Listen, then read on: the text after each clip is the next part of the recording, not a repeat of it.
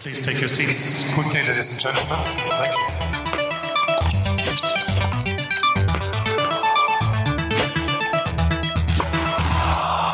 Tennispodkasten Smash. Det skal godt gjøres å høre bare én, sponset av Betson.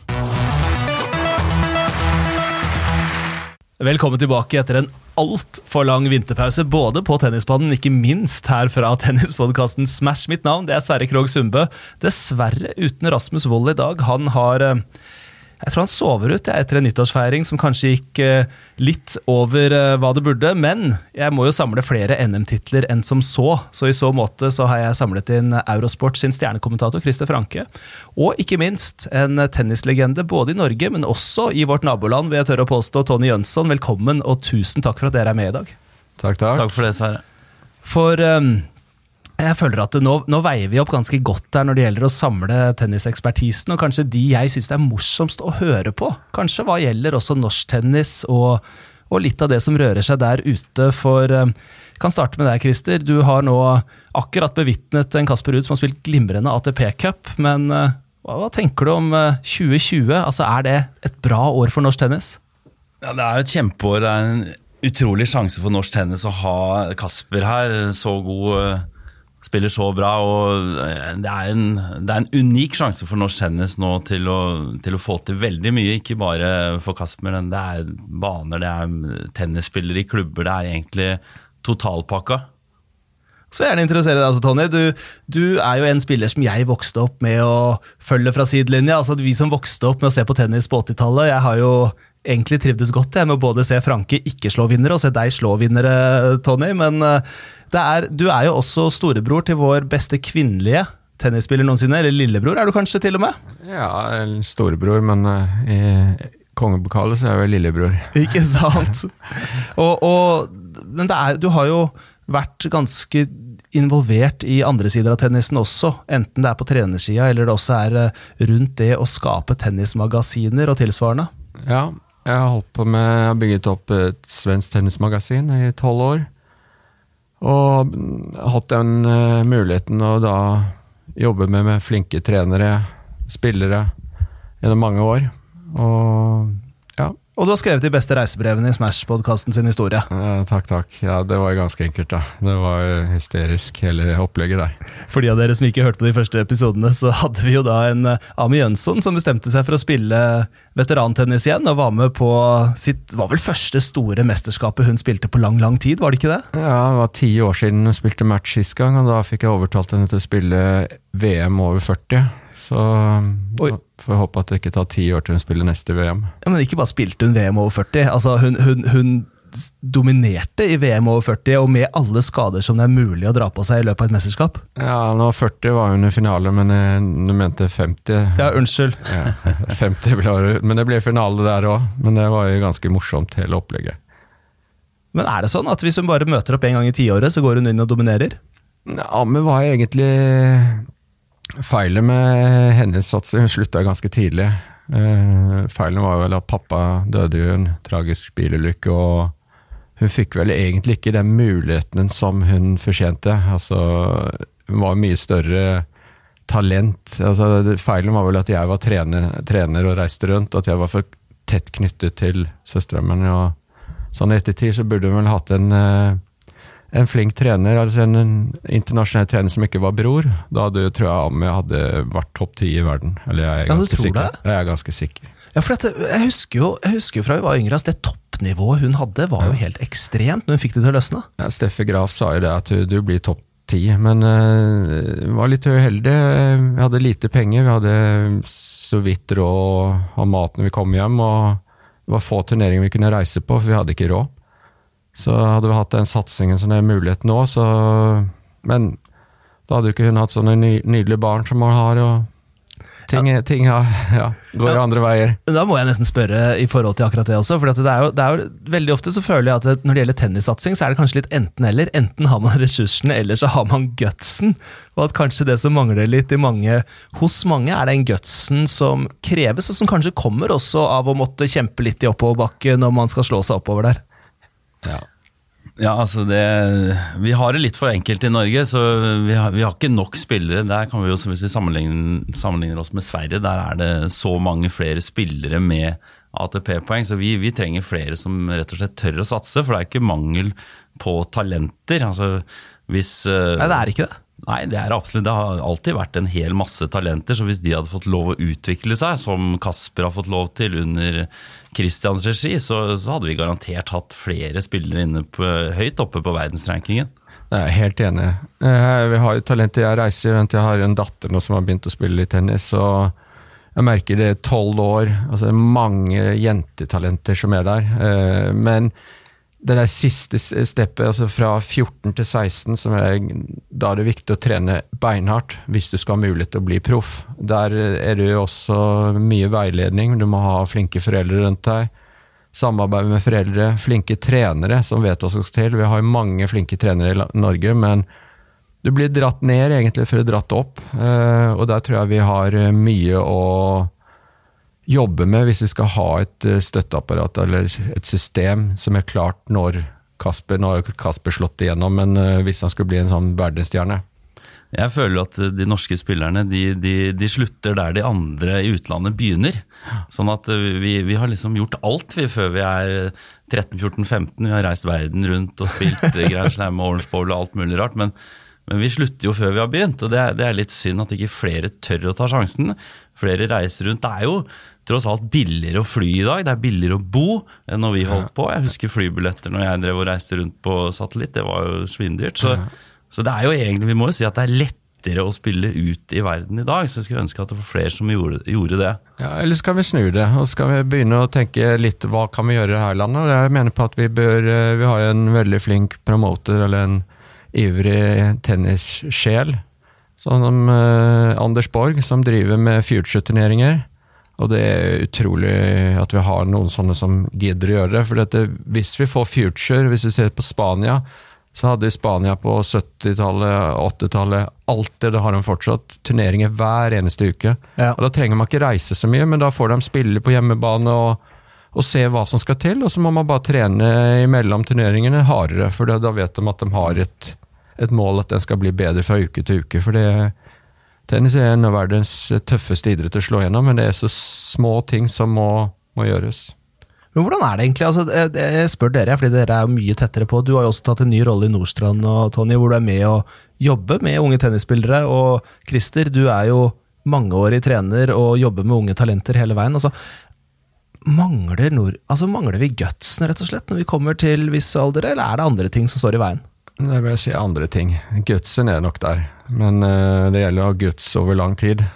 Ja, jeg føler at det er litt idrettskulturen i tennis. At uh, det, er, det, er, det, er, ikke greit liksom å fortsette å spille på heltid. Da lurer, lurer folk på hva er det i all verden du driver med. Men folk må jo vite at hvis du spiller en fire-fem år på fulltid etter videregående, så, så, kan du få deg en like bra utdannelse etter det. Men det virker som om folk er veldig redd for det der, og det, det forstår jeg ikke. Mm. I hvert fall i dag, når college-tennis har blitt en så reell mulighet. altså mm. Er man god nok i dag, så får man jo ikke bare muligheten til å spille college i USA hvis det er det nivået man ligger på, men man har jo muligheten til å faktisk satse videre. altså Når man ser amerikanerne, de kommer jo 2-23 år gamle i stedet for å komme som 19-åringer.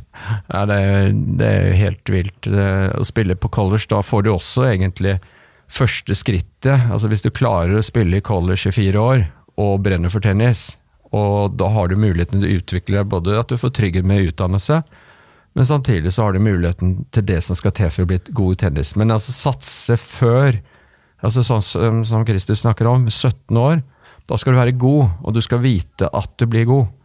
Ja. Eh, for du, du, satser, da må du satse. Da må du ikke bare satse ett år, men du bestemmer at du skal satse fire år. For det tar lang tid. Du kan være småskadet, du kan spille feil turneringer. Det, det, er så mye som skal til for å komme opp på rankingen. Vi har jo alltid hatt det morsomt i denne podkasten fordi vi har hatt Rasmus her inne som regel, som var et veldig godt talent. Og det er jo gøy. altså Vi har jo fleipa hele veien med at han egentlig er bedre enn de fleste spillere på turen, fordi han har jo alltid slått den som har slått de beste der ute. ja. Han slo jo bl.a. Krajnovic i junior-EM og slike spillere. Men, men, altså der har det jo altså Han snakket jo om, snakket om det ganske tydelig der. altså Han ble 15-16 år, ja. og for det første så syntes han at det var veldig godt å drikke en cola og kanskje ta seg en snus og drikke en energidrikk og leve på sånne Starburst-godterier. Men, men, så finner han alkoholen, og så finner han den. Altså, det føler jeg er så gjengs for så utrolig mange gode tennisspillere hjemme. Altså, hva, kan, kan dere fortelle, hva skjedde egentlig med Skattum, f.eks.? Ja, Skattem eh, kan jeg ikke fortelle mer enn at han var jo to-tre i verden under tolv. Eh, og Satset var i semifinale i EM. Eh, super Jeg var jo sikker på at han der kunne bli Og han var jo veldig god, men du kan si at det Begynner man litt for tidlig òg, så kan du bli litt utbrent. Uh, satset for hardt. Uh, det er en balansegang som er veldig touchy, men det med alkohol, det, altså, det Du kan ikke dele Nyte alkohol og så spille tennis og bli proff, det går ikke. Det, ja, det har vi for jo, mange. men det er jo så absurd, er det ikke det? Men du snakker om talenter. Da sier jeg bare at, eh, som Ivar Lende sier, at de største talentene det er dem som skjønner at de må trene hardt. Det, Det er, jo, det er jo de som orker å holde på. Altså, det er jo, man vet jo aldri egentlig hvem skal bli god. Man blir stadig vekk overrasket eh, av, av spillere som du aldri hadde trodd, som holder på, som holder på, som reiser og trener. Så plutselig så slår de igjennom. Sånn at uh, man skal aldri avskrive noen. Det er viktig å få med seg alle.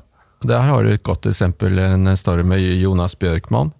Han var jo 21 år og reiste rundt og spilte norske Grand Prix-turneringer og tapte jo for mange. Han var så langt tilbake da han var 21. Ja, ja, 21 Tapte for var- meg han på, på Blommenholm en gang. hvor Ja. Jeg tapte finale uten å få game på Anders Aaseth etterpå. Så det, Ja, det, Er sant? Ja, det ser jeg. Og han, eh, han var 21 år, og jeg, han har jo vært redaktør for meg i tennismagasinet i Sverige, så jeg vet en del story. Han elsker Norge, og, og han ble fire i verden på singel, og en av Sveriges beste gjennom tidene i double. Men Er det mulig i 2020 også? Altså, det, det, er jo, det høres jo helt absurd ut. å ikke, altså, du surrer rundt i Norge og spiller Grand Prix-turneringer i en alder av 21 år. Da, da hadde du i dag vært avskrevet for 13 år siden. Ja, Men det, jeg, jeg, jeg mener jo det har litt av det miljøet det er oppvokst i. Han kommer fra er det Alvestad rett utenfor Veksjø, har sett Veksjø-miljøet med Mats Willander, Jan Gunnarsson, altså mange. Så der er det Hedberg var der òg. Der var det en kultur for at du kan bli god. Han så hva de gutta gjorde. Og han hadde en tro på det. Han hadde en steinhard eh, innsats og jobbevilje. ja, han hadde en passion som er utenom. Og han holdt jo på lenge, han holdt jo på til han var 37 år, og, og er fortsatt inne i tennisgamet og reiser rundt og spiller oppvisningsmatcher og mange ting. Det er jo ingen tvil om at det er lyttere her som har lyst til å nå det nivået i tennis selv også. Altså, bare sånn forenklet litt. Da. Er det så greit? Altså Hvis du fighter hver dag, står der i seks timer, går ut og spiller i regn og i blest og på veggen og hva det er. altså er det, er det det vi ser for oss, eller er det teknikk og taktikk og den tilnærmingen som også er viktig å ta, videoanalyse, hva det skulle være? Jeg, jeg tror det er en kombinasjon. Du må ha den driven i bånn der. Du må, du må ha gjort så mange timer som junior, for det er det ingen som kanskje måler hva du har gjort eh, og lekt og sånn når, når du var barn. Og så må du i dagens tennis sannsynligvis skaffe deg noe våpen i en serve og en forehand og, og komme borti noen gode trenere. Det må du nok, men jeg vil si at den, den basen, den er kanskje 90-95% er altså the hard work, altså. Ja, det er beinhardt, men det er, liksom, det er så mye og det, det, utenom. Altså det, de sier at på tennisbanen det er der du skal gjøre, men jeg mener på at det er alt det du gjør utenfor banen som har veldig mye å si når du kommer på banen. Du må ha flinke foreldre. Du må ha flinke Og hva er flinke foreldre? Det er liksom noen som mener sånn, noen mener sånn. altså i Norge sier de nå at det, ja, det er så sterke foreldre, så mye gærne foreldre der ute, eh, og de ødelegger spillerne, eller eh, barna sine. Det er ikke enig. Det er bare at det er mange frustrerte foreldre, for de sitter og ser på matchene og vet egentlig ikke hvordan de skal oppføre seg. og, og der tror jeg vi har veldig mye å lære. Altså Få med foreldrene. for Jeg snakket med Thomas Høgstedt for et par uker siden, og han, han skal faktisk komme til Norge og holde foredrag for foreldre. Og han sier at eh, uten foreldrene så er det veldig vanskelig å, å, å få frem spillere. Det er jo interessant. Altså, hvis vi ser litt på i toppen i dag Altså, Ta her hjemme. Kasper Ruud. Han har den sterkeste tennisressursen vi har, kanskje, som sin trener, far og mentor. Eh, vi har eh, vi har eh, Ok, hvis vi går på internasjonale scenen, ta unggutta nå. Vi har Sjapovalov, som har en mor som er ekstremt sterk. Vi har en Murray, som har en mor som er blitt en legende innenfor det å være sterk personlighet. Vi har en Wozniacki, som har en far som virkelig har fulgt hele veien. Vi har en Nadal, som har en onkel som har hengt over. Altså, Det er så mange sterke personligheter rundt. Er man avhengig av en sånn person? Altså, jeg, jeg tror at uh, i individuell idrett, om det er tennis eller om det er friidrett eller alpint, så, så er du nødt til å ha en eller annen sånn person. Jeg syns jeg nesten alltid ser det du snakker om nå. Hvis du tar faren til Kjetil André Aamodt eller you name it, Gjert Ingebrigtsen til Ingebrigtsen-gutta. det er- Du trenger en sånn person som faktisk følger deg opp nesten daglig for å lykkes i en individuell idrett. Og det, det krever mer, for du kan ikke sette bort barna dine på et lag hvor hvor det, de blir kjørt av flere og sånn. Du må faktisk eh, bidra hele tiden i en individuell idrett som foreldre. Ja, det er jeg helt enig i. Ja, det, det, er, det er jo faktisk det. Altså, jo, jo mer man går inn i materien her, jo tenk, altså, tenke på de forskjellige som er der ute. Altså, det, står, det er sterke personligheter bak nesten absolutt alle. Det er i hvert fall en ekstrem andel. Ja, altså, det er ikke bare sterke personligheter, det er, det er folk med, med, med ganske god idrettsbakgrunn. Noen tidligere tennisspillere, noen tidligere toppidrettsutøvere i volleyball, håndball osv. Det er sånn gjengs når du ser på foreldrene til disse gode individuelle utøverne. Ja, det er det, men så har du, ja, du, du har jo forskjellige step. Du har jo klubbnivå. altså Jeg tror det er viktig å få opp klubbene til å gjøre jobben sin. Eh, Så har du da steppet videre, det er jo kanskje kommet til krets, eh, liksom. Eller eh, egentlig går du fra å bli god i klubb, så går du oftest inn på et landslag. Og da er det viktig at vi har i alle ledd et riktig opplegg. Så kan du nesten velge selv om du skal bli college-spiller eller proffspiller. Men det siste biten der, det tror jeg vi mangler eh, her i landet. Vi har eh, Ja. Det er mye, mye man kunne sagt der, men kanskje det. Men eh, jeg mener på at vi har eh, Det er mange ledd vi kunne gjort mye bedre, og det tror jeg vi har eh, mye kunnskaper i landet til å gjøre òg. Vi har jo flinke trenere, men ofte så blir jo trenerne hit, og så går de ned, og så kommer de til Norge, så får de det litt for bra, dem også. Jeg, jeg skulle ønske meg at det var litt flere ledd. Jeg skulle ønske meg at det var en, en krets eller region om du vil, som fungerte som et slags rekruttlandslag, sånn at spillerne ikke bare gikk rett fra å være best i klubb og rett opp på landslagsnivå, men at det var Først så blir du tatt ut på et region eller i en region eller krets, og så må du være faktisk best der, for så å komme på et landslag som kanskje er litt større, sånn at du bygger opp litt flere tennisspillere på ulike nivåer og får en få flere til å spille turneringer og for å få, for å få litt mer trøkk i turneringene fra første runder. Der tror jeg det, det, er- litt det samme. Jeg tror det, det vi må jobbe med, det er turneringer. Altså turneringer, Bra turneringer i Norge. Da får vi passet påskrevet. Hvor Og tidlig? tidligst mulig. Nå har vi jo egentlig et dilemma i det her landet at vi har sånn her at du ikke har lov å spille turneringer før du er tolv år. Det var akkurat derfor jeg spurte, egentlig. Fordi er det for seint? Ja. Ja, det, altså de, de aller fleste konkurrerer på en eller annen måte før de er tolv, så det er jo man spiller jo, altså Det er jo til og med Tennis Europe-turneringer eh, under tolv, hvor folk eh, nesten er sånn småprofesjonelle faktisk rundt om i Europa. Men, det, men uansett, det, det trenger ikke ha sånne proffturneringer, men det er viktig å spille matcher. Men det er enda viktigere å vite hva du gjør på matchene. Og, og det, der tror jeg vi har mye å lære òg, at trenerne ikke bare er på trening, men kommer og ser spillerne sine, ser på matcher. For at det der hjelper ikke Når du kommer på matcher, så gjør du noen ting helt annerledes, fordi at du, du blir passiv. Du, du, du tør ikke gjøre en del ting. Eh, og taktiske ting. Eh, Det og hvis du gjør feil gang på gang på turnering men jobber, så hjelper det ikke. Så det, det, det, du må ha Du må gå og gjøre mye, men du må gjøre mye riktig mange ganger før det lykkes. Jeg, har- jeg, jeg, bare, jeg bare satt og tenkte på det her om dagen. Altså, jeg, hadde, eh, jeg har en sånn kolonne her som heter Ukas spiller, som jeg har av og til. og Jeg tar en spiller som jeg har lyst til å fortelle litt mer om. Da gjør jeg litt rar research på nettet. eller noe. Jeg fant en solskinnshistorie apropos, det å satse og gå lei og det som er. Altså, det var en svensk jente, eh, Maria Judanov, som var bra, et bra talent. Sånn topp 50 junior under 16-type rundt der. Så ble hun 16 år gammel og begynte å finne fest og moro og alt mulig annet, og slutta med tennis og trodde at dette var helt supert, og rørte ikke en tennisracket fra hun var 17 til hun ble 25. Så startet hun prosjekt. Da hun var 25, ok, hun skal begynne å trene litt, dette var gøy. Da hun var 27, nesten 28 år, så tenker vi ok, nå satser vi. Vi kjører. Og nå har hun spilt seg inn til dette denne uka. Er første uka hennes som topp 500 i verden. Hun har da blitt 30 år gammel og bare bestemt seg at altså, det, det er helt galskapsprosjekt, kan aldri tjene penger, du kommer til å bruke pengene. Så at noen får midtlivskriser eller 20-årskriser eller hva det skulle være, og reiser på seiltur rundt omkring i verden i tre år. Jeg, har, jeg skal bruke pengene mine på å se hvor langt det går an å slå seg opp nå på tennisen.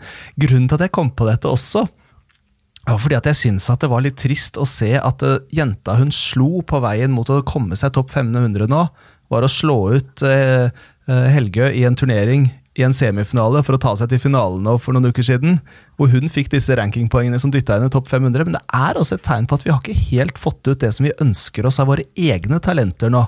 For det skal ikke, det skal ikke være mulig for en jente å ikke røre en tennisracket på så lang tid, komme der i slutten av 20-årene og skulle slå seg inn topp 500, så sliter vi med å etablere spillere der sjæl i det hele tatt. Ja, altså jeg, jeg har ikke hørt om henne, men hun må jo være relativt talentfull da, når hun greier å Helt rå når hun det- klarer det. Ja, har du hørt om henne, Tony? Jeg, jeg vet ikke hvem det er, men eh, jeg har hørt navnet en gang eller et par ganger, men, det- men allikevel så, så, så må man ikke glemme det arbeidet hun gjorde frem til hun var 16 år. Absolutt. Så må hun har jo sannsynligvis spilt litt tennis eh, de ni årene hun ikke spilte. Så alt er mulig. Tennis sitter jo mye i huet, og, og har du riktig holdning, da kommer du langt. Men uh, vi hadde jo egentlig litt av det samme med Borgersen. Uh, hun var jo college-spiller. Og slutta jo, var jo tennistrener i USA, tror jeg, så plutselig kom hun hjem, og da var hun vel rundt 28, eller jeg vet ikke hvor gammel man var, ganske opp i åra og, og satset, og hun blir jo topp 300. Ja. Så det er muligheter, hvis du har passion. Men når er det vi skal få de spillerne som kjører denne satsingen fra start til slutt, enten jenter eller gutter, eller er det noe Altså, Nå har vi Kasper Ruud som denne uka, akkurat i dag. Han har akkurat røkt ut av en turnering nå i Auckland i natt, når vi spiller inn dette, så det snakker vi ikke om akkurat nå. Nå snakker vi i stedet om eh, positivene. Nå er han 46 i verden. Ja, Han, han er topp 50-spiller. Han er en, eh, syv plasser bak bestenoteringen til sin far. Han er på stigende formkurve. Han spiller bedre tennis enn jeg har sett han spille før, i hvert fall i den ATP-cupen. Ja. Og, og, og han er, altså virkelig, dette lover så godt for norsk tennis. Vi får til og med lov å delta i en ATP Cup. Og så har vi nestemann. Durasovic, som er faktisk ganske hederlig unntak med tanke på hva som kommer etter Durasovic igjen, hvor det er absolutt ingenting for øyeblikket. Uh, og, og det er jo så, det er så skralt. Går det ikke an å sette i gang altså en, få college-spillere, da, i hvert fall, som går ut fra universitet, som har satsa nok til at de kan være med og i hvert fall bidra i et Davis Cup-lag, f.eks.? Altså, jeg, jeg kunne jo godt tenkt meg at det var et landslag som besto av de tre gutta som satt på benken for eksempel, i den ATP-cupen, og kanskje en fire-fem til. Og de, de gutta der de burde vært ute en åtte-ti norske og spilt future-turneringer, sånn at vi hadde da eh, litt flere som fikk poeng etter hvert. Altså, og gjerne også flere sånne miljøer. Det savner jeg litt. At det er noen sånne miljøer som vi kan se i langrenn f.eks. eller an- andre idretter hvor hvor man nødvendigvis ikke har de store ressursene, men det er en 8-10-15 mann som faktisk eh, drar eh, Europa rundt og spiller turneringer og har passion. Men det er, vi litt tilbake til, eh, til altså okay, Hvis vi sier at norsk tennis det er bra for norsk tennis, at vi gjør det så bra norsk tennis, det er jo ikke, det er ikke riktig. Det, Kasper Ruud gjør det bra for norsk tennis. Og Kasper Ruud gjør jo også at interessen blir stor, eller mye større. Og han, har jo, han en herlig personlighet òg. Men eh, klubbene, altså forbundet, alle må jo bidra med å gjøre det riktige. Så, så vi må ikke bli lurt og tro at vi gjør så mye bra i norsk tennis. Det er mye som blir gjort bra i norsk tennis, og, men det er mye som kan gjøres. Eh, Det med team, jeg tror ikke vi har et, så mange bra spillere, men man må begynne et sted, det er jeg helt enig. Og, og derfor synes jeg det er bedre å begynne å ha masse future, masse bra turnering her hjemme i Norge. Så får man se om man har det. Og, og jeg synes også at det her med college, vi snakker om college, at eh, de college-spillerne har hvis vi hadde hatt et, et opplegg for dem når de kommer tilbake, men ofte så slutter college-spillerne. De får en utdannelse, og så er ikke interessen der. Det er jo også litt av problemet når disse få proffene vi har, når de kommer hjem, så har de ikke et F.eks. For eksempel hvis du er fra eh, USA eller Spania, så kan du komme hjem og så kan du dra på et eller annet sted hvor du vet at der er det fystrening fire ganger i uka, der er det tennistrening to ganger om dagen. Og så kan du bare hoppe rett inn i det. Du trenger ikke å booke treninger, alt er der. Det mangler vi i Norge. Vi har ikke de miljøene. Så det, det håper vi at, noe, at, vi får det på plass. Om, om, det er klubber som skal greie det, kanskje noen private initiativer også hadde vært, lurt. à la Good to Great i Sverige med Magnus Normann, Kulti og Tilstrøm, mm. som har gjort noe helt unikt for svensk tennis. Ja. Nei, men det, altså, Mulighetene er her, og vi ser det bare litt tragisk å se jeg har bodd 17-18 år i Drammen, og der har vi en, en nydelig hall, tennishall. Det leder døgnet rundt. Nei, er det det, eller? Ja, ja, ja. Det, den men, hallen der, der har de styrker om du har alt mulig, men det tar 25 minutter å kjøre. Men baneleia der er på 80 100 kroner.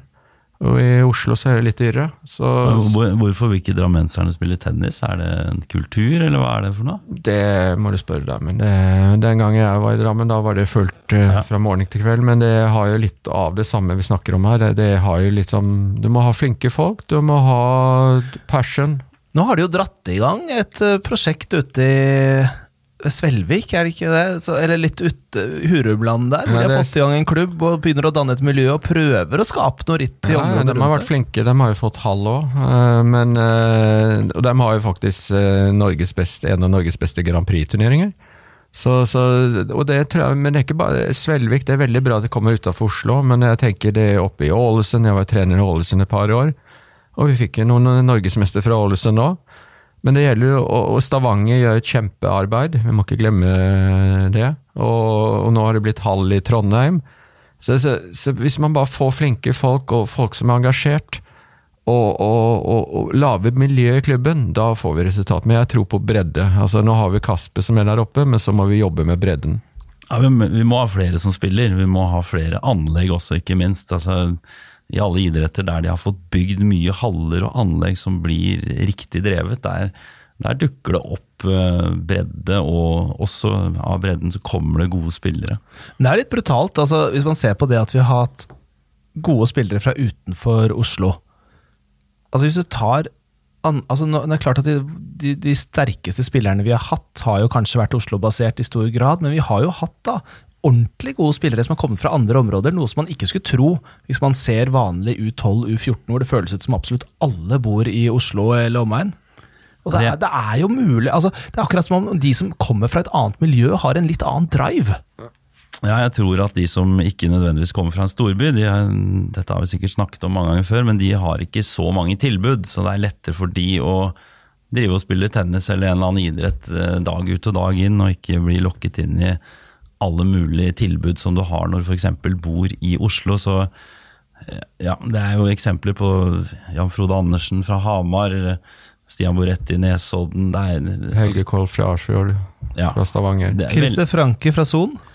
Ja, er, ja men de, de, altså, de, fleste kommer utenfra, og Christian Ruud han, han oppholdt seg vel ikke altfor mye på Snara heller når han trente. Selv om han trente en del der, så dro han ut tidlig og fikk et annet miljø.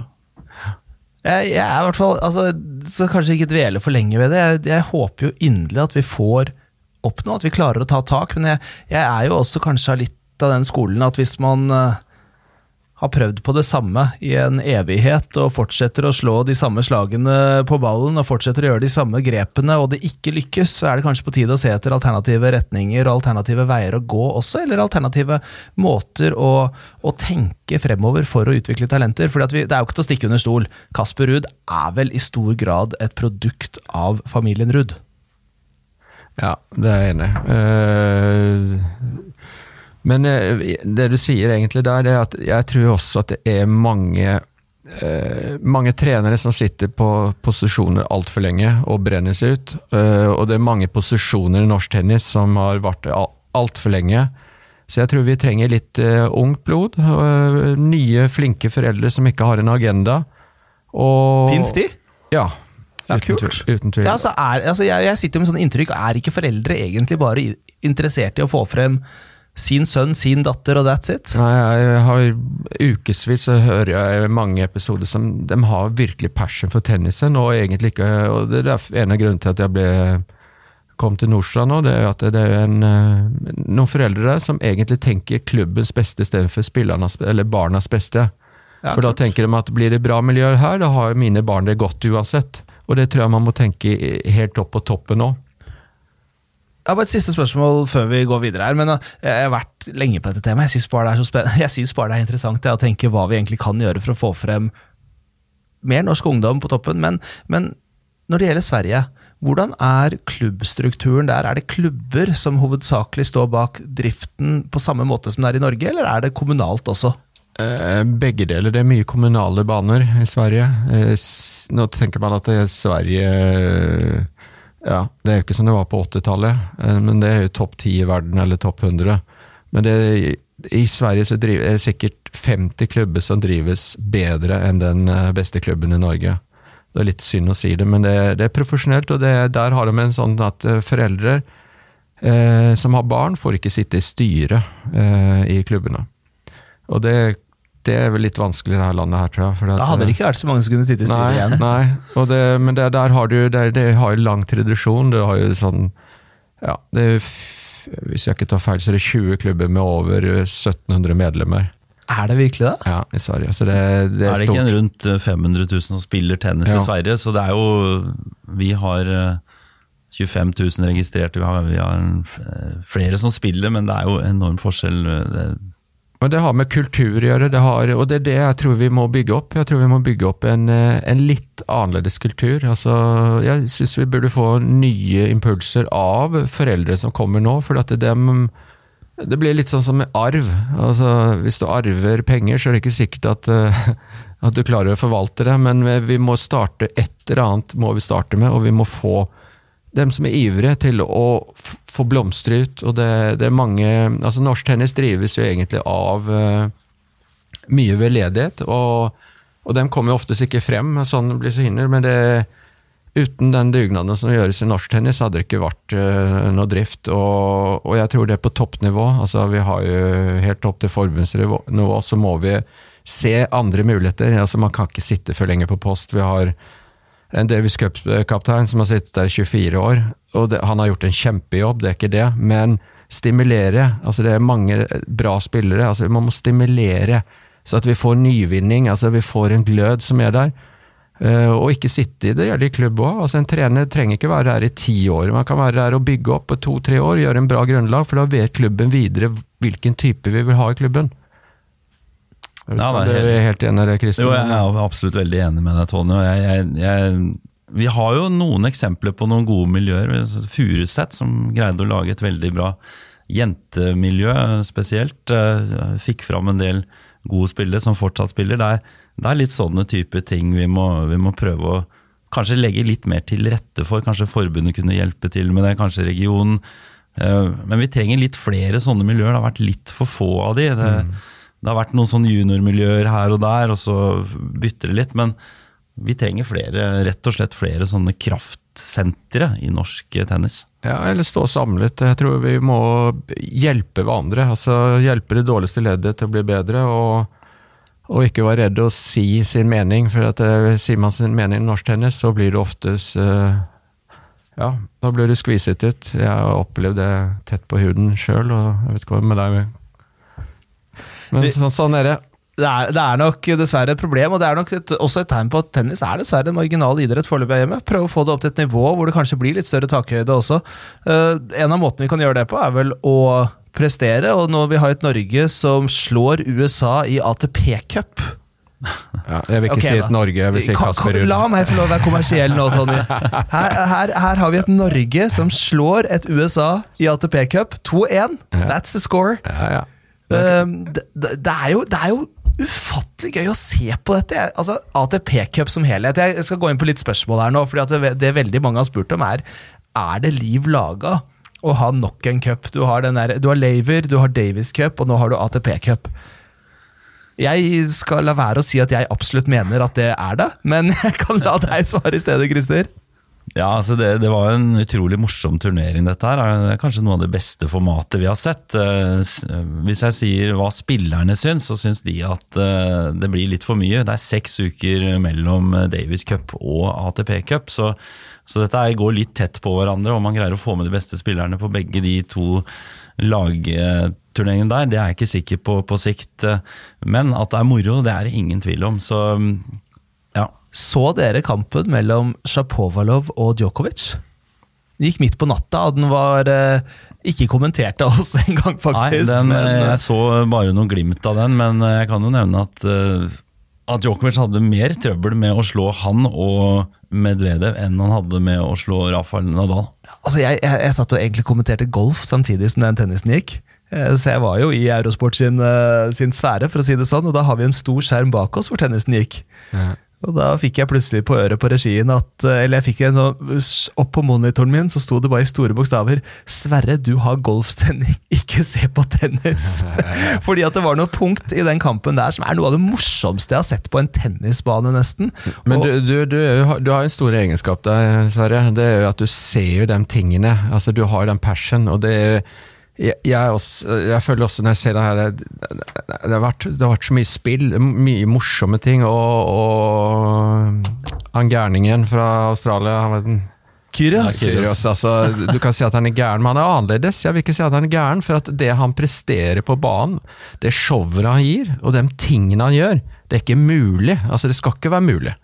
Så, så, så, og vi trenger sånne farverike personer, men vi trenger det i norsk tennis. Men det som er morsomt med denne eh, turneringen, det er at double blir så mye morsommere å se på. Og relevant. relevant. Ja, og, og det har jo, når du ser Nadal spille double, jeg mener Se gutten spille altså, Det er ikke at han spiller tennis, men han kan spille tennis. Og du ser småtingene, og han gjør det.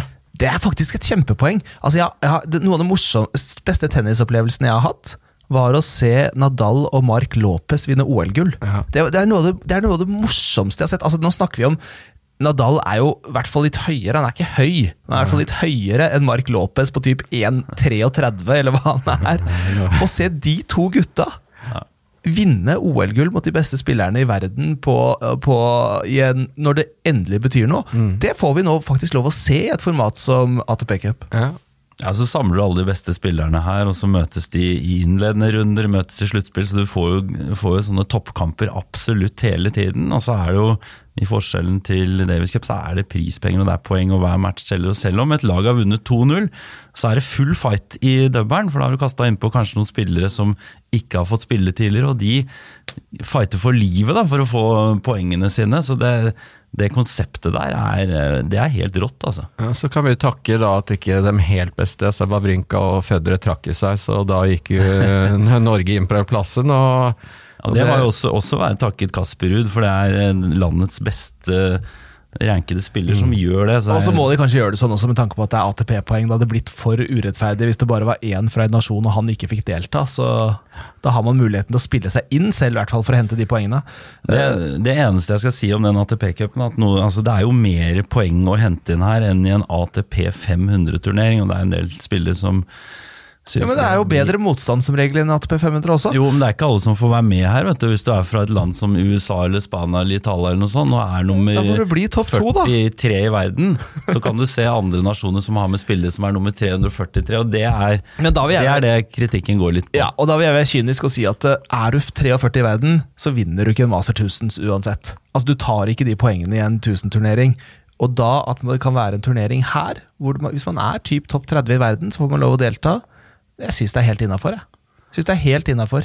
Ja, ja, men det her, er- det her kommer, det er- jeg tror det her kommer å bli, fordi at det har vært så bra respons. eh, Og for tennisen så er det gull verdt allting, og det ser du jo også. Interessen bare blomstrer.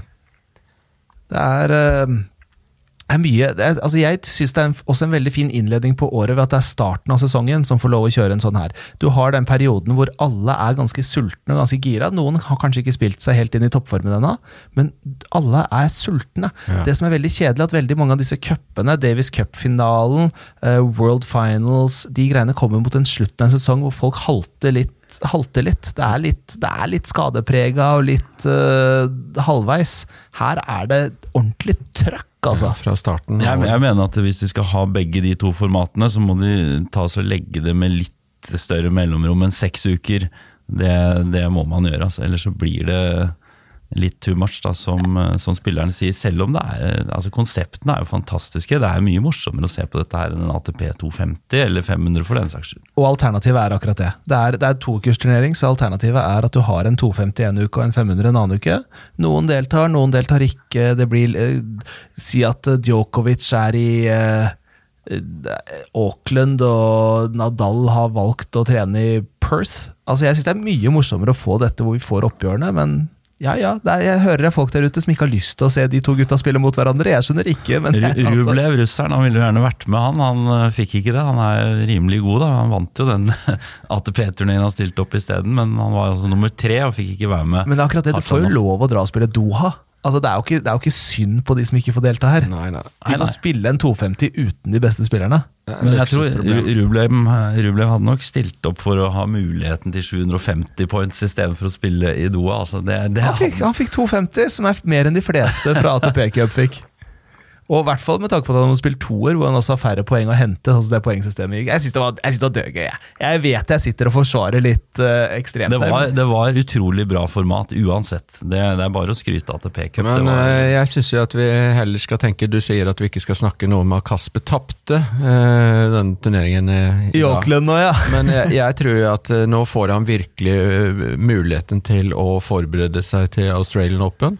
Og det er fem sett, og, og den, de dagene han får nå, de er gull verdt hvis han skal ha noe å, å, å altså, få frem det beste ut av han. For han har en eh, egenskap, og det er hans fysikk. Og hvis den er topp før turneringen, så tror jeg vi kan se noen spennende matcher med Kasper i starten og neste uke. For dette var jo tross alt en turnering i Auckland nå som var første gang at Kasper Ruud har kunnet spille uka før turneringen i Australian Open. fordi at det føles jo lenge han har vært topp 100, men det er ikke så lenge. I fjor på samme tidspunkt så røyk han i første kvalrunde for å komme seg inn i Australian Open.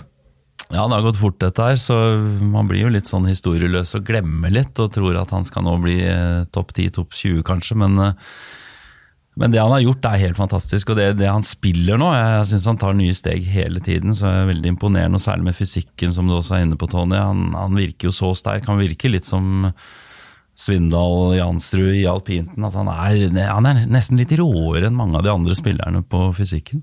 Ja, så har han jo da, vi må ikke glemme at han får mye feedback fra Nadal, og det, det hjelper jo enormt i den posisjonen. Se bare småting som man ser, eh, sånne ting som vi egentlig ikke har kunnskap å gi til Kasper i dette landet her, som han får der nede på Nadal.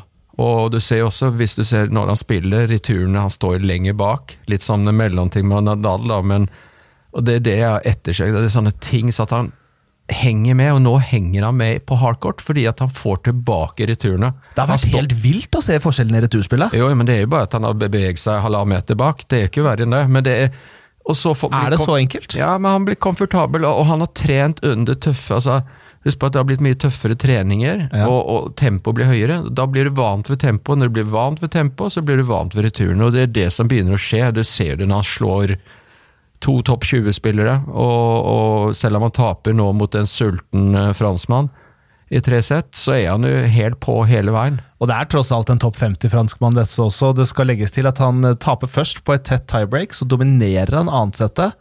Og så innleder han tredjesettet desidert best. Jeg fikk stått opp i dag til og sett det på tennis-TV, selv om jeg ikke fikk sett det i natt. Han, han, jeg var sikker på han hadde den matchen. Han hadde full kontroll innledningsvis i tredje sett, før han gjør noe enkle feil, bare. Og så forsvinner kampen, og det er jo små marginer. Det er jo en match han godt kunne ha vunnet, men han Ugo Ombær som han møter der, han er jo en, han er den neste franske stjernen. altså Han kan bli ordentlig bra. Han har vist det. Han spiller har vært litt, litt varierende.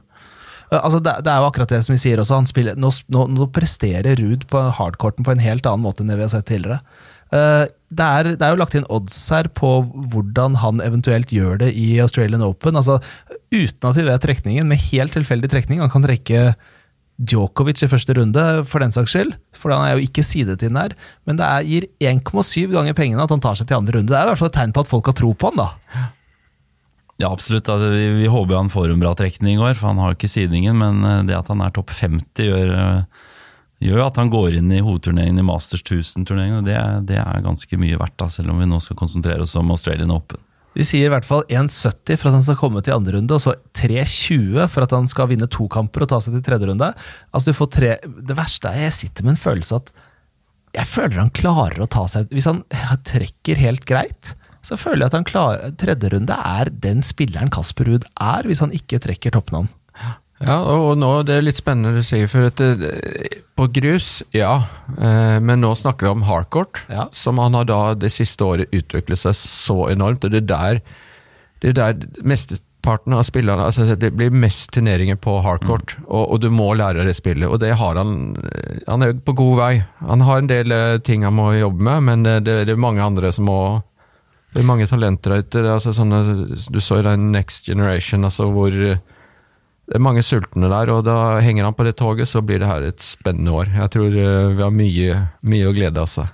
Kan også ta med de litt mer usannsynlige scenarioene her. Fjerde runde, tre seire. Da hadde han gitt 80 odds. Kvartfinale 40, semifinale 200. At han skal ta seg til finalen 500, at han vinner hele greia 1000 i odds. Så det er høres ut som du skal legge inn mye penger her. ja, ja, ja. ja, men Jeg, jeg syns det er gøy å se på disse. Det gir en liten sånn tanke om hva som menes før turneringene. Altså, det er vel ikke vanskelig. Nå skal jeg se, ta en gjettekonkurranse på dere. Hvem er favoritt til å vinne årets Australian Open, tror dere?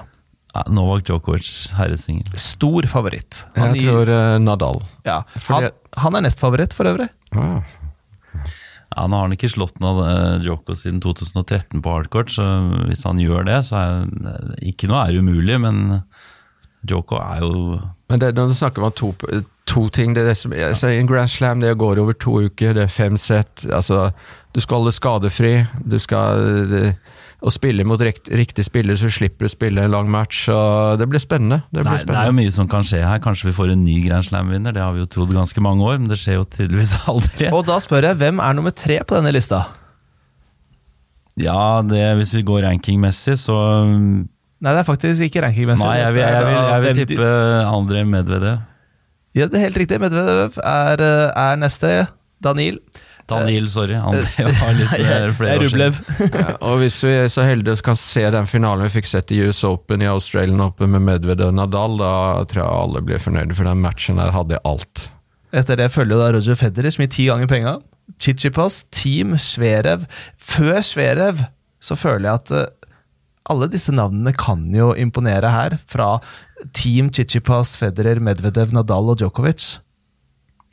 Absolutt, og det er noen flere navn også. Batista Agut, som spiller vanvittig bra nå. Nei, nå må du slutte å tulle! Du kan ikke, du kan ikke mene at Batista Agut skal utfordre om en Australian Nei, Open-tittel. kanskje ikke om en tittel, men eh, sånn som han spiller nå eh, Ikke vær helt sikker på altså, Han hadde gjennombrudd i fjor med kvartfinale, semifinale Grand Slam. Det er sant, det, altså. Shapovalov truer eh, Djokovic er, altså, Goffin slår Nadal. Altså, nå er det mange spillere. Det er litt flere nå til Australian Open som kan gjøre noe. Så, så jeg tror at det kanskje blir noen flere overraskelser eh, i år enn det vi har sett før. Da kan jeg ta noen av outsiderne her. Vi har jo en Cilic som gir 35 ganger pengene, selv om jeg tror ikke at han eh, kommer ikke i nå. form. Eh, Raonic, Yosamo og Anderson. Jeg tror at alle de tre som har tidligere kunnet utfordre, ikke gjør det nå.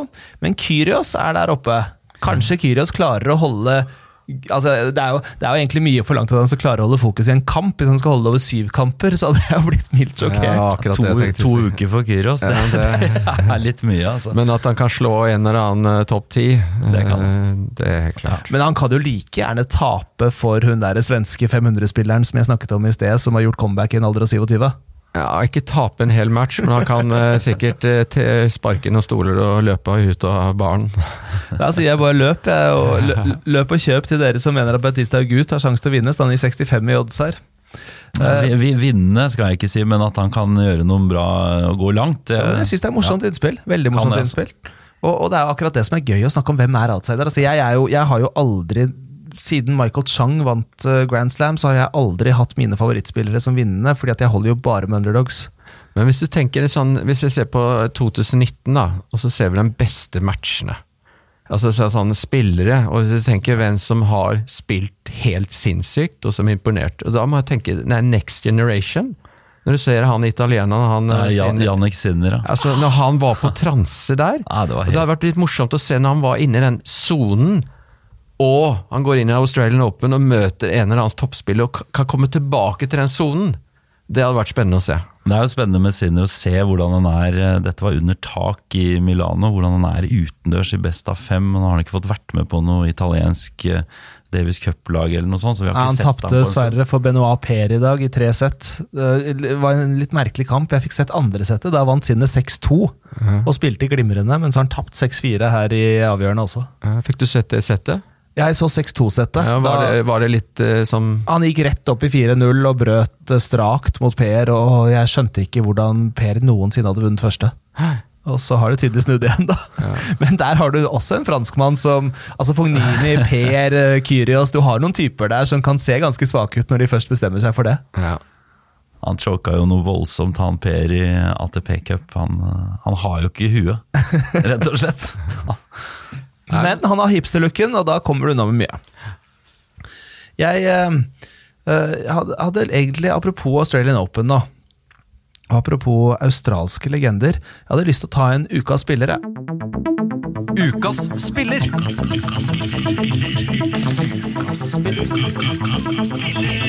Ukas spiller. Og ukas spiller, da for å bevege meg litt videre fra Australian Open, kan jeg egentlig starte med French Open. Det er jo den tennisspilleren med flest French Open Grand Slams. Hvem tror du det er, Christer? Er vi på damesiden eller herresiden her nå? Altså, Nå var meningen at du skulle si Rafael Nadal, og så skulle jeg si at Men han har jo bare singeltitler, så ta med de andre greiene, så har du Margaret Court. Selvfølgelig. Fordi Margaret Court er nemlig ukas spiller. Hun har da tolv totalt. Hun er faktisk den eneste jenta hun som har vunnet alle øvelsene i en Grand Slam med, med altså singel, double og mixed i alle Grand Slams to ganger. Altså Det er jo tolv Grand Slams i løpet av et år. Og hun har da vunnet de tolv to ganger hver. Slik at hun har 24 som hun har dobla opp. Altså Hun er den spilleren som har dominert på tvers av turneringer, på tvers av underlag, på tvers av alle forutsetninger. Ut, uten sammenligning. Altså Hun er den med flest Grand Slam-titler. Hun er den med høyest seiersprosent i historien. Og hun er den spilleren som rett og slett bare har vært dominerende. Er ikke det, da er det litt imponerende. Da er det ikke rart at hun blir prest. Og det er akkurat det vi skal komme over. For det er jo, altså Grunnen til at jeg har lyst til å snakke om Margaret Court, er at hun er en Altså, Vår generasjon kjenner jo henne godt. Jeg tillater meg selv å, å, å inkludere meg selv der, selv om jeg kanskje er noen år yngre. Men, men når det gjelder yngre spillere, så kjenner jo ikke dette navnet i samme grad som man kanskje burde, basert på hennes meritter. For hun, problemet til Margaret Court var jo at eh, det har jo kanskje ikke gått i den retningen man skulle ønske etter hvert, og du var jo litt inne på det her. Altså Når det gjelder Margaret Court, så vokste hun opp i, eh, i et meget katolsk hjem. Hun, eh, hun var sterkt preget av sin tro i oppveksten. Og, og til tross for at hun spilte tennis, så var det noe hun praktiserte ganske tydelig. Og, og, og all ære for det. Altså, det er jo ingenting negativt med å praktisere sin tro. Problemet var jo at hun utover i eh, Merket det først utover i karrieren. Først så, så mente hun at en kvinnes plass var i hjemmet, så hun tok jo pause fra tennisen fordi at hun skulle gifte seg og eh, stifte familie. Og familie det overgikk alt annet, og uavhengig av barn. Men øh, skjønte etter hvert at det var greit kanskje å spille litt tennis, da, men hun hadde jo pause fire ganger i løpet av sin yrkeskarriere for å få de fire barna. Uh, hun har jo tapt Grand Slam-finale i uh, femte måned, hun. Og, og, ble jo etter hvert en, en, en, ganske dedikert familiekvinne, samtidig som hun var en meget dedikert tennisspiller. Altså, disse resultatene hennes, at hun har 64 Grand Slams totalt, mellom fire barn.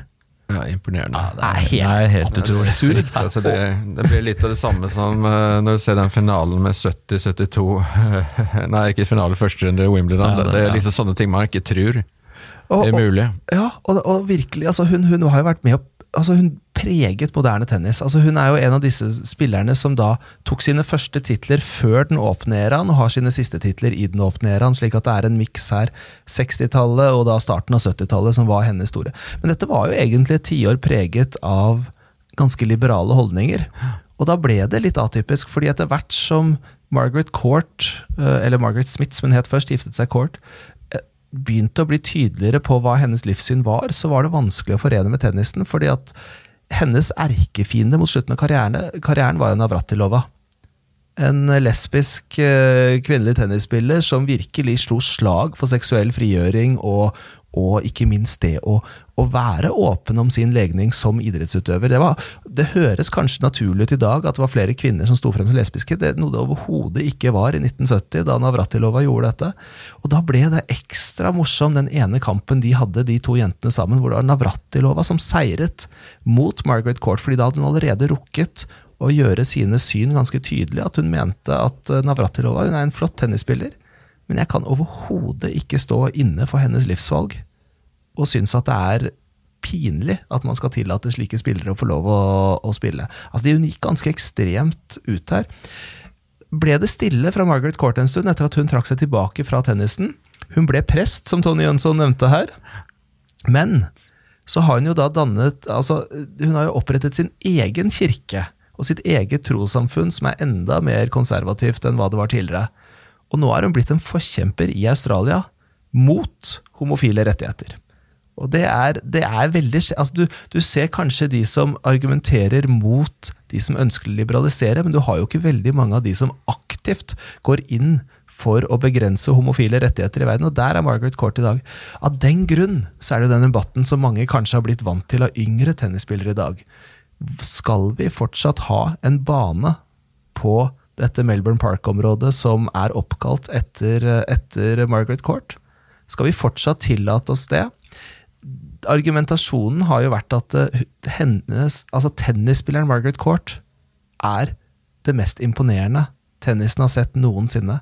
Hun er det mest dominerende, imponerende, og hun revolusjonerte også kvinnetennis. Kvinnetennis før Margaret Court var grunnlinjedytting. Og så kommer denne jenta her og spiller serve og volley og tar aggressiviteten til et nytt nivå, og skapte de tennisspillerne som kom litt senere. Altså, hun, altså, De som var i stand til å ta kvinnetennisen og gjøre kvinnetennis til sannsynligvis den flotteste kvinneidretten vi har, og, og har gitt den det nivået at det står helt parallelt med herreidrett, både nå økonomisk, men også anseelsesmessig rundt omkring i verden, noe som er helt unikt. Men å kaste oss så, da, ta dette med seg, viser jo i hvert fall at hun er en kvinne med ryggrad, Margaret Court, for hun tør å stå for sine livssyn, til tross for at, eh, etter min mening, er så riv ruskende spinnvill gærne måter. Men nå går hun da tydelig frem. Ønsker eh, nok en gang å slå et slag for heterofile rettigheter, eller eh, mot homofile rettigheter, egentlig. Og, og, hva, og da er spørsmålet er det riktig å bevare ettermælet til tennisspilleren Margaret Court, eller er, det, er man nødt til å, å, å, å, komme inn her og si at dette er for galskap, og man er nødt til å være et godt menneske i tillegg? Ja, Nå sier du hvor gammel er hun? Uh, hun, er, hun begynner jo å bli ganske gammel. Hun er 77, tror jeg hun er nå. Ja, da er det ikke så mange bra slag hun har igjen. så jeg tror uh, det, det, her har ikke Der kommer altså Det hun har gjort, altså navnet på banen, uh, det er jo på grunn av tennisspillingen. og og man kan ikke sammenligne det med hva, hvor, hva hun står utafor tennisbanen. Det blir, det blir litt sånn som Mike Tyson. altså Bra bokser, gjør masse dumt. Og da får vi heller huske det som var bra. Fordi, det er jo sant det du sier. Altså, hun har jo ikke en gjennomslagskraft som er veldig tydelig om dagen. Nei, Jeg er helt enig med Tony her. Jeg, jeg syns vi skal huske henne som en tennisspiller og, og, og glemme den siste biten. Så det er ikke så veldig mange som vet hvem hun er, egentlig. De fleste vet kanskje banen der i, i Melbourne, men, men, that's it. Jeg har jo latt være nå å nevne at eh, det ble jo ganske furore da hun spilte bl.a. mot Billie Jean King, med tanke på at hun var jo en ihugga supporter av apartheid også, Margaret Court. Altså, jeg, jeg toucha jo bare innom noen av de aspektene med hennes liv og hennes livsvalg og jeg, skal ikke ta noe stor debatt, dere skal slippe å delta i noe stor debatt der, men det er, det er interessante spørsmål, og det er vanskelige spørsmål. Fordi, og, og, det er grunnen til at denne debatten pågår der ute. og jeg, synes, jeg, tror faktisk at jeg faller ned på samme resultat som dere. De har jo tatt et tydelig valg i australsk tennis. Fordi de valgte å hedre Rod Laver med stor seremoni, stor hyllest og, og virkelig sånn jubileumshyllest ute på banene. Den har de ikke gjort for Margaret Court da hun hadde tilsvarende jubileum. Noe som betyr at vi ønsker ikke å, å hylle deg som person akkurat nå, fordi vi syns at det er feil, men vi er heller ikke noe behov for å fjerne det tennisettermælet som du har satt. Nei, det er bra. Har det, vært, det, har vært veldig mye diskusjon. Jeg følger jo med på tennisen, og jo, hun har jo fått så hatten passer av, av mange, da, pga. disse uttalelsene her. Så det er ikke, det, I tennissammenheng så har ikke dette gått uh, helt stille for seg, men sånn i internasjonale media så tror jeg vel ikke det har vært en sånn kjempesak eh, heller. Jeg tror, tror vi legger den der, ja. Ja, 2020. Kasper Ruud, hvor, hvor, hvor fullfører han året, Tony? Nei, så Hvis han klarer å stabilisere seg som Nå ligger han 47, var det ikke det denne uka? Ja, 46, tror jeg. 46, ja. 46, 47 altså Hvis han ligger topp 50 om ett år, og etablerer seg topp 50, da blir jeg meget imponerende for, imponert. For det, du har jo Nå går han inn i større turneringer, og han skal forsvare en del poeng òg, men hvis han utvikler seg som spiller altså det, det, Alle vet jo det, det Nå har han kommet ti ganger raskere til topp 50 enn vi hadde regna med. Og, og det er små marginer hvis alt klaffer. Altså Han er en topp 20-spiller når han har dagen, men uh, du skal gjøre det over hele året. Så hvis han holder rankingen, så er jeg mektig imponert.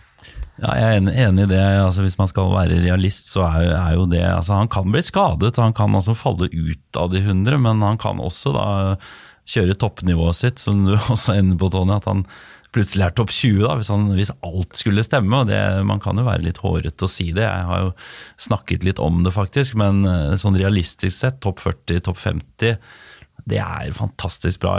Topp 100 også er eh, at vi har en spiller i topp 100. Man må egentlig klippe seg litt i armen og være veldig fornøyd med det. altså. Ja, man tenker altså tennis, som er en av verdens største idretter. Altså, vi, er jo- det er jo sånn 5000-6000 profesjonelle tennisspillere. Langrenn nede, hva er det, 40-50? Så, så tennisen. Så tennisen, eh, altså at han ligger topp 50 i en så stor idrett, det, det, vi skjønner ikke. det. Og jeg syns også at det ikke har stått så mye som jeg hadde regna med i media. Altså Hvis du tenker det her som han presterte når han slo to topp 20-spillere, og, og som da du sier var jeg skuffa også. Da var jeg fryktelig skuffa når det ikke sto noe i ja, altså, aviser. det, som du sier, Vi slår Amerika, ok, så er det Kasper, men vi må ikke glemme at han spiller double med, med Med Durasovic også. Ja, Durasovic og, og spiller, Durasovic spillere altså opp eh, Spiller faktisk eh, jæklig bra i den doublen, og, og, og vi vinner den matchen. og Det er jo det er en historie som er kanskje en av de største, mener jeg. Ja, Det er kanskje noe av det største Norge Ja. har gjort i lagtennissammenheng, og en sånn matchseier der mot USA. Jeg, jeg, jeg skal ta, avslutte her med noen kjappe spørsmål. Første er på Eurosport sine rettigheter. Det er veldig mange som er nysgjerrige på hva som skjer fremover der. Jeg kan jo bli med og svare sammen med deg litt, Christer. At eh, alt av ATP 1000 og ATP 500 pluss Grand Slams kommer til å vises på Eurosport i år, plattformen.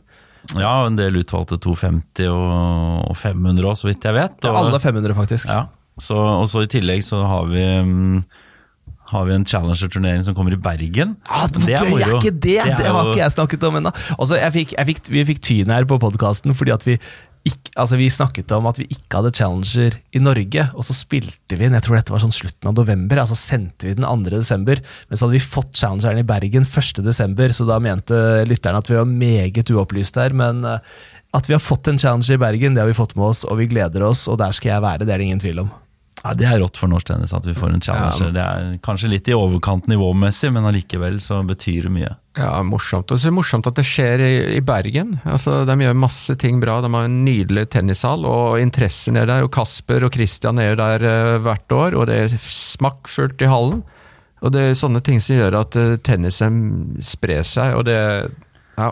Og vet du hva? Jeg syns ikke det er i overkant heller. Vi har en topp 50-spiller i verden akkurat nå. Jeg syns det er helt på sin plass at vi også har en Challenger-turnering. Jeg regner med at hvis det passer, eh, passer eh, kalendermessig, så kommer Kasper til å delta i den turneringen.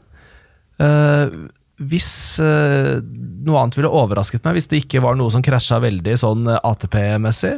Og samtidig så mener jeg at dette ikke skal være noe vi nøyer oss med, men at dette er første steget på vei for at vi får vår første 250-turnering. Ja, men Det er jeg helt enig. For du ser, må jo begynne et sted. Og i Sverige har de to uh, ATP-turneringer. De har jo en i Båstad og en i Stockholm Open.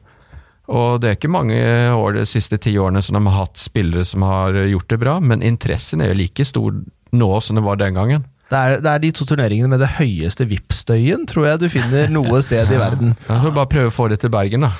Ja, vi hadde, De hadde jo faktisk Bergen Open, jeg vet ikke om du var der på 80-tallet, um, Tony? Sånn, challenges. Challengers. Ja. Jeg spilte spilt det et par-tre ganger, men uh Ut av den turneringen der så kom det jo det var mange gode spillere, Peter Korda med flere, som, som var der oppe og spilte, som senere ble topp ti-spiller og vant til og med Grand Slam. ja, Janne Gunnarsson vant ett år, og han ble nummer ti. Ja. Siste spørsmålet her. Tanker rundt video, video review som ble brukt i ATP Cup nå, Christer. Hva syns du om det? Ja, jeg syns det er positivt, og det er stadig vekk nyvinninger i tennisen. Det var litt kjedelig med de der som blir avblåst ved nettet, syns jeg. Ja, det er kanskje litt unødvendig, for det er liksom opplest og vedtatt at du vinner en ball her om du er tre millimeter over nettet eller ikke. Det, jeg synes Den er litt unødvendig. Fotfeilen litt mer ålreit å kunne, kunne se på. De bruker jo de samme kameraene som på Hawkeye her. Ja, du har jo jobbet litt med det, Tony, men, men all nyvinning i i tennis. Jeg, tennis har alltid vært innovativ og hatt med seg nye, nye ting, så det tror jeg er bra. Det er i hvert fall bedre å ha den fotfeilen som kommer med et kamera, enn den der dommeren som bestemmer seg for i andre sett på A5 og juice og banke inn en fotfeil på annenserven. Der Det er liksom sånn helt ut av det blå, når du er helt sikker på at det sikkert har vært 100 tidligere i kampen, og bare der den kom. Ja, men det, jeg tror allting går seg til, og det der er viktige ting. altså Følge utviklingen. Det vi ligger litt etter på tennis, det er det som Wimbledon gjorde i fjor, at det er avgjørende sett at det er gått ned til 14-12 istedenfor. Og det er mange ting. altså Jeg, jeg syns det burde vært likt over hele, at det er tiebreak i femte avgjørende sett. Så det er mange ting som kan endres, og det, vi snakket jo litt om ATP, nei, om Davis Cup om det kommer å være det, men det er to forskjellige organisasjoner. Det er ITF og det er ATP. Og Der er det en liten eh, krangel dem imellom, og det er jo derfor det er litt sånn prestisje. Så jeg tror det kommer å hjelpe tennisen, at det går opp. Altså de her Davis Cup kommer å bli bedre, og, og ATP eh, kommer å bli bedre. på det, det så vi nå ja, denne uken. Veldig takknemlige for at dere har blitt med og tatt en prat. Det har blitt en litt mer saklig prat i dag enn det vi har hatt tidligere. Det er å, mildt overraskende da vi har Tony Jønsson og Christer Franke, for er det noen som kan vinne banketten, så føler jeg at dere kan bidra godt, begge to gutter. Men uh, vi gleder oss til å fortsette denne tennissesongen, og vi gleder oss for at dere også har hørt på det som har vært første episode. Så høres vi igjen på mer tennis her på Smash. Takk.